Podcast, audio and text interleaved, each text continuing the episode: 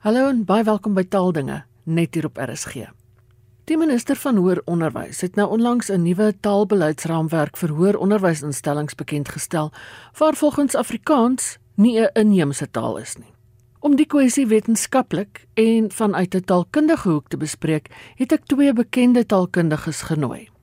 Professor Ernst Kutse en professor Wannie Karstens. Professor Kutse, hoe word tale geklassifiseer? Ja, Ina, jy weet daar is tans meer as 7000 tale oor die wêreld. Uh wat op verskillende maniere of dan ook volgens verskillende norme in, in groepe verdeel kan word. Um, 'n nuwe norm sou wees om die wêrelddeel waar in tale gepraat word as 'n benaming te gebruik. Mense skryf byvoorbeeld Europese tale, Afrika tale, Suid-Amerikaanse tale, Asiatiese tale ensovoorts. Maar binne elke wêrelddeel is daar egter soveel tale wat nie tot die wêrelddeel beperk is nie en op verskillende kontinente gepraat word. Dis Arabies, Spaans, Portugees wat in Suid-Amerika byvoorbeeld gepraat word. Engels oor Afrika en alles, Frans, Nederlands, Mandarijn. Daarom is dit nie 'n baie presiese klassifikasie model nie of uh, maatstaf. Maar dit wel van waar dit kan wees is om so 'n wat mense kan noem 'n geolinguistiese maatstaf te gebruik as 'n aanduiding van waar 'n spesifieke taal ontstaan en sy beslag gekry het as taal, weet op watter manier dan ook. Dit is dit is een maatstaf. 'n Tweede tweede maatstaf en wat 'n heel problematiese benadering is, is 'n klassifikasie volgens etnografiese maatstawwe wat ehm um, sowel ras as volksverband kan insluit. Ek het mense, mense sommige mense praat byvoorbeeld van Indiaanse tale, byvoorbeeld in Noord- en Suid-Amerika, swart tale, Kaukasiese tale, Indiese tale ensovoorts. Dit is natuurlik weet van 'n taalkundige oogpunt en oorvereenvoudiging en dit berus op geen taalwetenskaplike gronde nie. En dan 'n maatstaf wat wel op wetenskaplike en spesifiek uh, histories vergelykende gronde berus maak uh, gebruik van sistematiese patrone wat groepe tale van mekaar onderskei. En hierdie sistematiese patrone kry mense dan uh in die woordeskat die woordbou en sinsbou van sulke taalgroepe.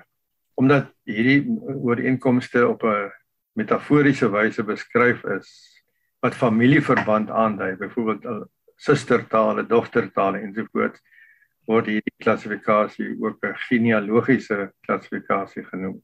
En die woord uh, taalfamilie word dan gebruik weet in die opsig om om tale te groepeer. En volgens skatting kan daar omtrent iets soos 150 verskillende taalfamilies wêreldwyd onderskei word. Hulle word ook nog gegroepeer in superfamilies en ensovoorts, maar dit is omtrent 150. Maar dit ook dit as mens dit so doen is 'n oorvereenvoudiging omdat so 'n klassifikasie nie rekening hou met die feit dat taalfamilies met mekaar in kontak gekom het en tot die ontstaan van nuwe tale gelei het met veranderde eienskappe. Wanneer sulke uh, taalvorme ontstaan as gevolg van kontak, taalkontak, praat linguiste van die kreolisering van tale, 'n baie baie algemene verskynsel. Maar ek dink om die eenvoudigste antwoord op jou vraag te gee, is uh waarskynlik dat tale geklassifiseer kan volgens die norm wat ter sake is om 'n bepaalde kwessie op te los. Ek het maar drie norme genoem, daar's nog baie tipologie en al sulke dinge. Ina, ek wil net gou graag op die inkom. Uh Ernst het reg genoem dat ons praat van omtrent so 7000 tale wat in die wêreld gepraat word. Nou Dit is maar 'n rowwe aanduiding. Daar's nooit 100% sekerheid hoeveel tale gepraat word. Maar uiteindelik en dit is wat ons in ons taalkundige omgewing doen, ons probeer orde in chaos skep. Want hmm. uiteindelik is daar tale wat met mekaar ooreenstem en die logiese is jy sit dit wat by mekaar hoort, sit jy by mekaar. En daarvoor het ons nou bepaalde indelingspatrone. Maar die belangrikste is dat ons werk met 'n met met 'n geraamde totaal. Dit is belangrik. En hm. daardie goeters, daardie tale dek eintlik die hele wêreld en al die kontinente. Maar ons het nie presiese antwoorde nie. En wat ons dus nou probeer doen is om in die hand van die inligting wat ons nou het wat ons op hierdie stadium het, probeer om hierdie tale in groepe in te deel en te kyk hoe na as moontlik ons aan die werklikheid kan kom. Hmm. Maar onthou net dit is die interessante van die wetenskap. Die wetenskap het selde presiese antwoorde.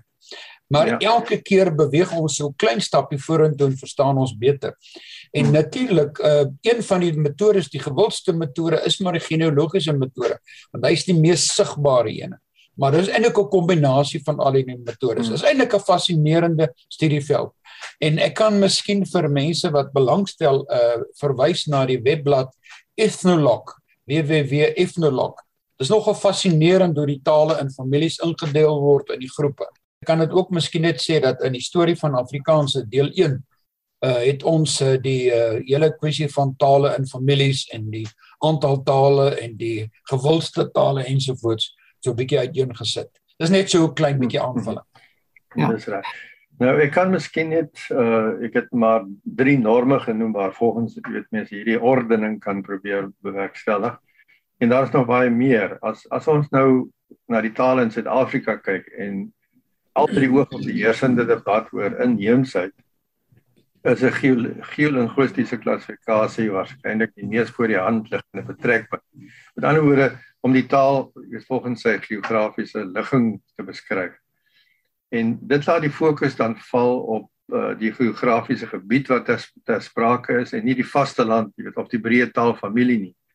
Tale wat wat uh, binne die grense van van die betrokke geografiese gebied ontstaan het en algemeen gebruik word in daai gebied is inheemse tale onafhanklik van die genealogiese verband uh, of dan die taalfamilie waaraan dit behoort vir die antwoord wees dink ek op jou vraag. Nou, aan watter familie behoort Afrikaans dan? Professor Kutse? Ja, die taalfamilie is soos ons weet een van die verskillende kategorieë of norme waarvolgens uh, tale geklassifiseer kan word. Uh ek kom Afrikaans op die mees gepaste manier te klassifiseer as uh geklassifiseer. Moet 'n mens ten minste drie norme toepas. Jy jy kan nie net een van hulle kies nie. In eerste plek volgens die geolinguistiese norm is Afrikaans 'n Afrika taal wat hier ontstaan en ontwikkel het en ook die naam van die vasteland weerspieël. Die enigste taal in Afrika waarby hierdie kenmerk voorkom. En volgens die genealogiese norm wat uh, dit is van nie genoem het, jy weet aanvaarde wetenskaplike normes wat eintlik uh, uh, uh, wat oor die wêreld gebruik word, is dit 'n Indo-Germaanse taal en verlang selfs verwant aan aan Hindi en ander Indiese tale. En meer spesifiek nou in die geval van Afrikaans Wes-Germaans. En so 'n uh, verwantskap maak onderlinge verstaanbaarheid moontlik met uh, tale soos Nederlands, veral in die geskrewe vorm en in 'n mindere mate ook Duits. En die derde ene as as 'n mens ehm um, kreolisering byvoorbeeld in aan in ag neem, het Afrikaans voortgekom uit 'n kontaksituasie waarin sprekers van uh, sowel verwante as onverwante tale hulle stempel gelaat het op die vorm van die taal wat uiteindelik die moedertaal van soveel Suid-Afrikaners geword het. En ek dink die variasie wat in Afrikaans voorkom, hulle variëteite, is in 'n groot mate ook die gevolg daarvan en ek dink dan ten slotte uh, waarskynlik uh, geopolities sou mens kon sê as Afrikaans dan 'n uh, inheemse taal van Suid-Afrika met al sy variëteite. Professor Karstens, waar kom Afrikaans vandaan? Nou dis heeltemal te veel om in ons kort rukkie volledig te behandel, maar in breë trek, groot tree, waar kom Afrikaans vandaan? Ja, dis natuurlik 'n vraag wat tot al baie boeke aanleiding gegee het en ons spekuleer ook maar nog steeds daaroor. Dis die een ding wat mense soms sê, maar kan julle nie uiteindelik 'n antwoord kry net sodat julle ons ook kan inlig? Ons uh, en ons kan wel ook weet as julle weet sê vir ons ook. Jy weet dis op trend wat dit is. Maar wat ons weet Afrikaans het 'n uh, Europese herkoms. Ons kan dit nie ontken nie. Dit is die werklikheid. En uh, professor Ide Verruyt uh, noem dit nogal altyd die die penwortel van Afrikaans. En as 'n mens Afrikaans en Nederlands naas mekaar sit, gaan jy ook die duidelike parallelle sien. Maar dis nie te sê dat dit dieselfde taal is nie. Onthou nou net 'n taal het 'n lewensverloop en hy het 'n bepaalde ontwikkeling ook wat hy deurgaan. En hierdie ontwikkeling gaan oor baie jare. Maar ons kan basies teruggaan dat Afrikaans uh die omtrent die 16de en die 17de eeuse Hollandse dialekte wat die kern dan van Afrikaans is. Dit het gekom na uh die Kaap via die seevaders en uiteindelik met die uh stigting dan van die van die versing's uh, die kolonie hierso of soos Dr. Dan sluit dit nou in die maritieme aanvullingspunt waar natuurlik die skepe dan voorraad gekry het. Toe die Hollandse taal gekom, die Hollandse dialek en die mense wat in bewind was hierso het natuurlik die eh, die die kolonie regeer. So as jy daar wou bly, het jy die taal van die kolonie gebruik wat natuurlik die Hollands was. Maar daar het 'n hele klompie ander dinge gebeur. Daar het oor die jare mense gekom uit verskillende wêrelddele. Daar's mense uit Afrika en daar's mense uit Asië. En almal het hierso bymekaar gekom op hier op die suidpunt van Afrika waar probeer is om met mekaar te kommunikeer op 'n daglikse basis. En wat was maar die bron wat gebruik is? Dit was hierdie Hollandse dialek. Maar hy was onderhewig aan soveel invloede soos ek sê van die van die taal van die slawe, die slawe wat gekom het uit ehm uh, uit Afrika dele uh uh Noord-Afrika, uh Angola en dan natuurlik ook uh slawe uit Asië uit. So ons het tale uit drie kontinente. En dan het aan die ander kant uh was die Khoi reeds hier. Die Khoi was reeds aan die Kaap waar Afrika dus baie pertinent was.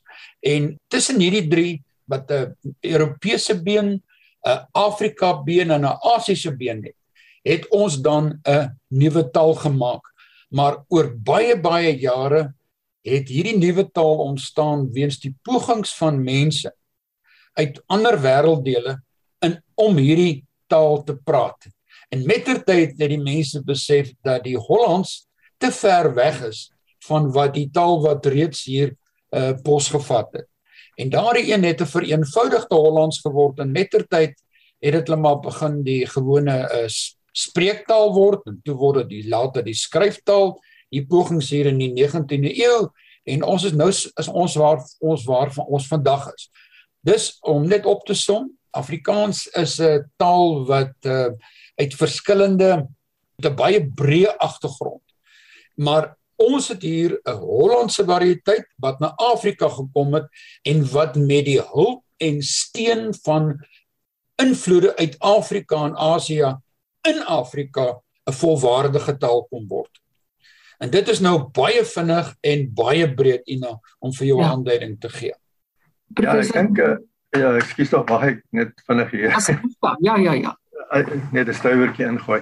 Ehm um, ja, wanneer dit is dit is heeltemal korrek, jy weet dat uh die basis aanvanklik was natuurlik nou die Hollands, dit was die die mikpunt of die teken taal gewees wat uh mense probeer praat het om in uh, veral omdat dit nou 'n hoë hoër status gehad het as as as die ander uh, variëteite wat wat die moedertaal beïnvloed is, jy weet aanleerders variëteite ensovoorts. Um, maar en en dit was ek dink ook die oorsprong van die groot variasie wat nog steeds vandag in Afrikaans bestaan. Jy weet mense is geneig om om Afrikaans as 'n uh, homogene begrip te beskou. Dit as net jy weet daar's net een soort Afrikaans, uh, iets so standaard Afrikaans wat ek al dit is nie die geval nie. Uh jy weet vir elke konteks wat van gebruik is daar 'n spesifieke variëteit van Afrikaans wat pas by daardie uh, gebruikskonteks. En aan die ander kant ook weet as mens net vanuit 'n genealogiese oogpunt na na Afrikaans kyk, uh, is dit nie net 'n uh, eenvoudige weet vereenvoudiging van Nederlands nie. Uh, uh, ek het uh, nou in 'n artikel ook uh, kon vasstel en, en aangetoon dat daar sekere ontwikkelings in Afrikaans plaasgevind het wat dit meer gekompliseerd maak as Nederlands. Byvoorbeeld die die, die uh, wyse waarop uh, byvoeglike naamwoorde verbuig word in Afrikaans is nie so eenvoudig soos wat in dit in Nederlands die geval is nie.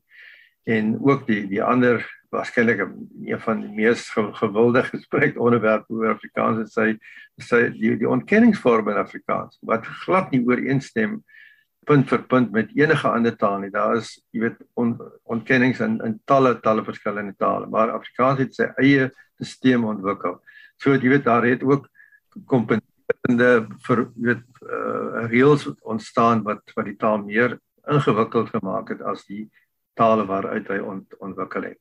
Mm. Maar dit is 'n jy weet 'n 'n groot dis 'n nuwe taal met met met nuwe eienskappe ehm um, wat gebaseer is op 'n bekende basis, jy weet 'n grondslag.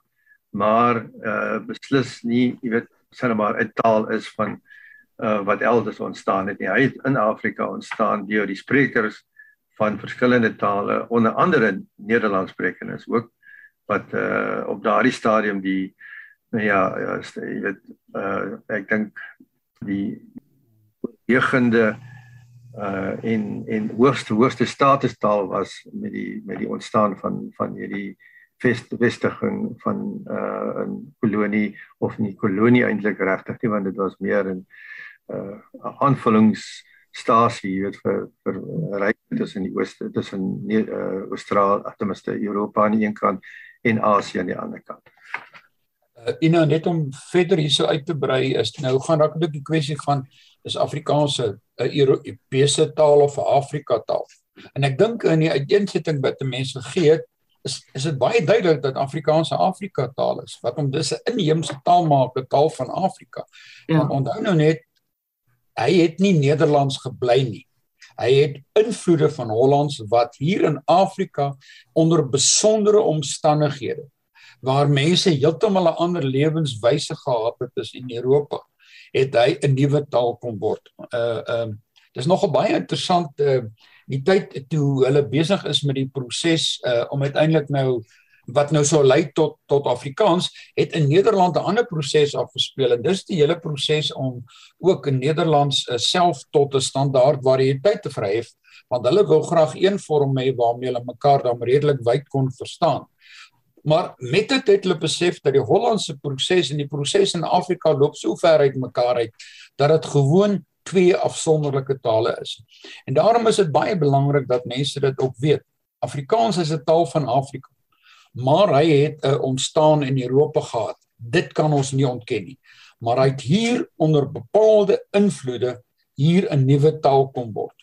En uh, as 'n mens dan ook kyk na die kriteria wat Ethnologue gebruik vir die indeel van 'n inheemse taal, dan sê hulle dit is ook 'n taal wat eie is aan 'n bepaalde landstreek, 'n bepaalde omgewing. En dit maak hom 'n inheemse taal. Uh, uh Afrikaans is tipies aan Afrika en tipies aan Suid-Afrika. Jy kyk na Portugees, Portugees is tipies aan Portugal. Spaans is tipies aan Spanje en natuurlik ook aan ander wêrelddele maar baie tale is tipies aan streke en dit hang dan saam met die kriteria waar volgens ons tale dan indeel. Die woord in inheems, jy weet kom is natuurlik jy het nou verwys na na uh, ethnologue se uh, beskrywing van wat inheemse tale is.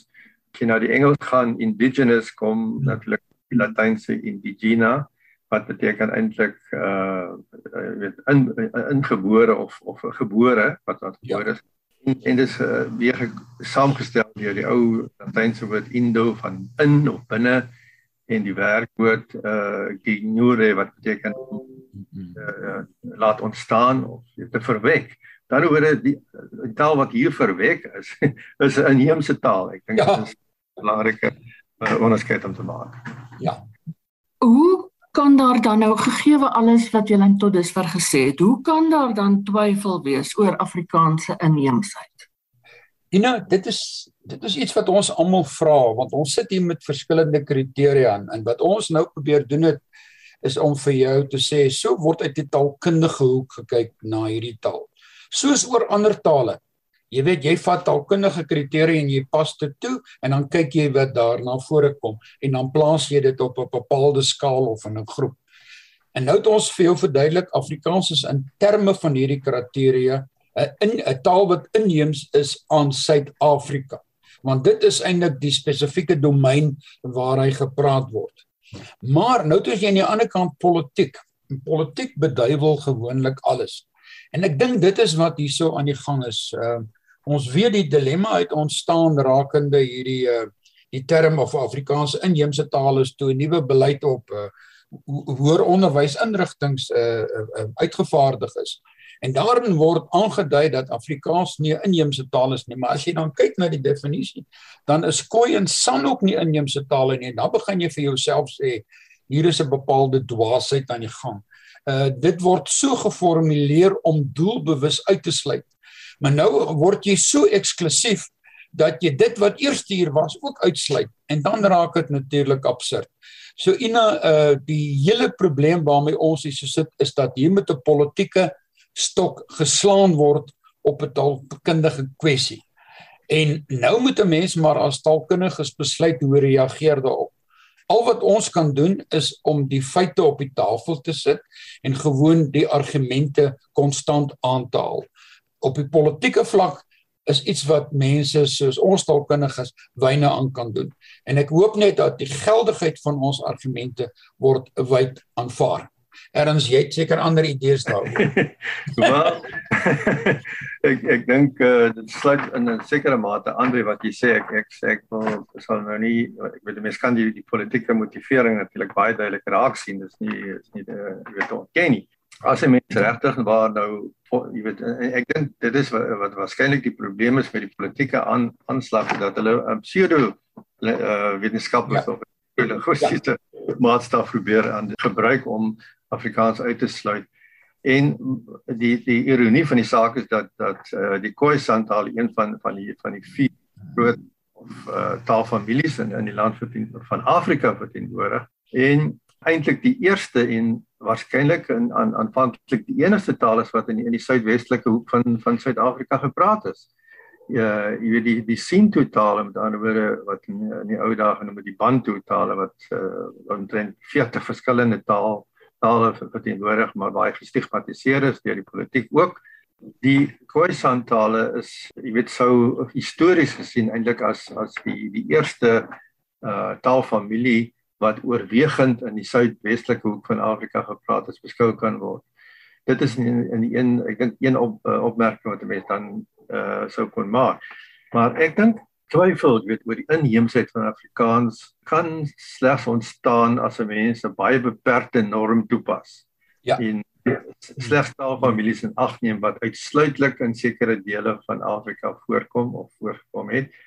Dit lyk vir my hierso, jy weet as asof die baie selektief te werk gegaan is met met die uh, gebruik van die norm om inheemsheid te bepaal.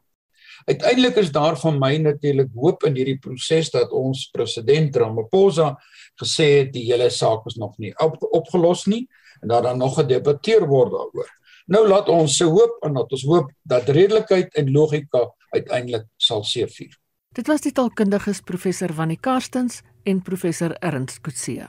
En van my Ina Strydom groete tot 'n volgende keer.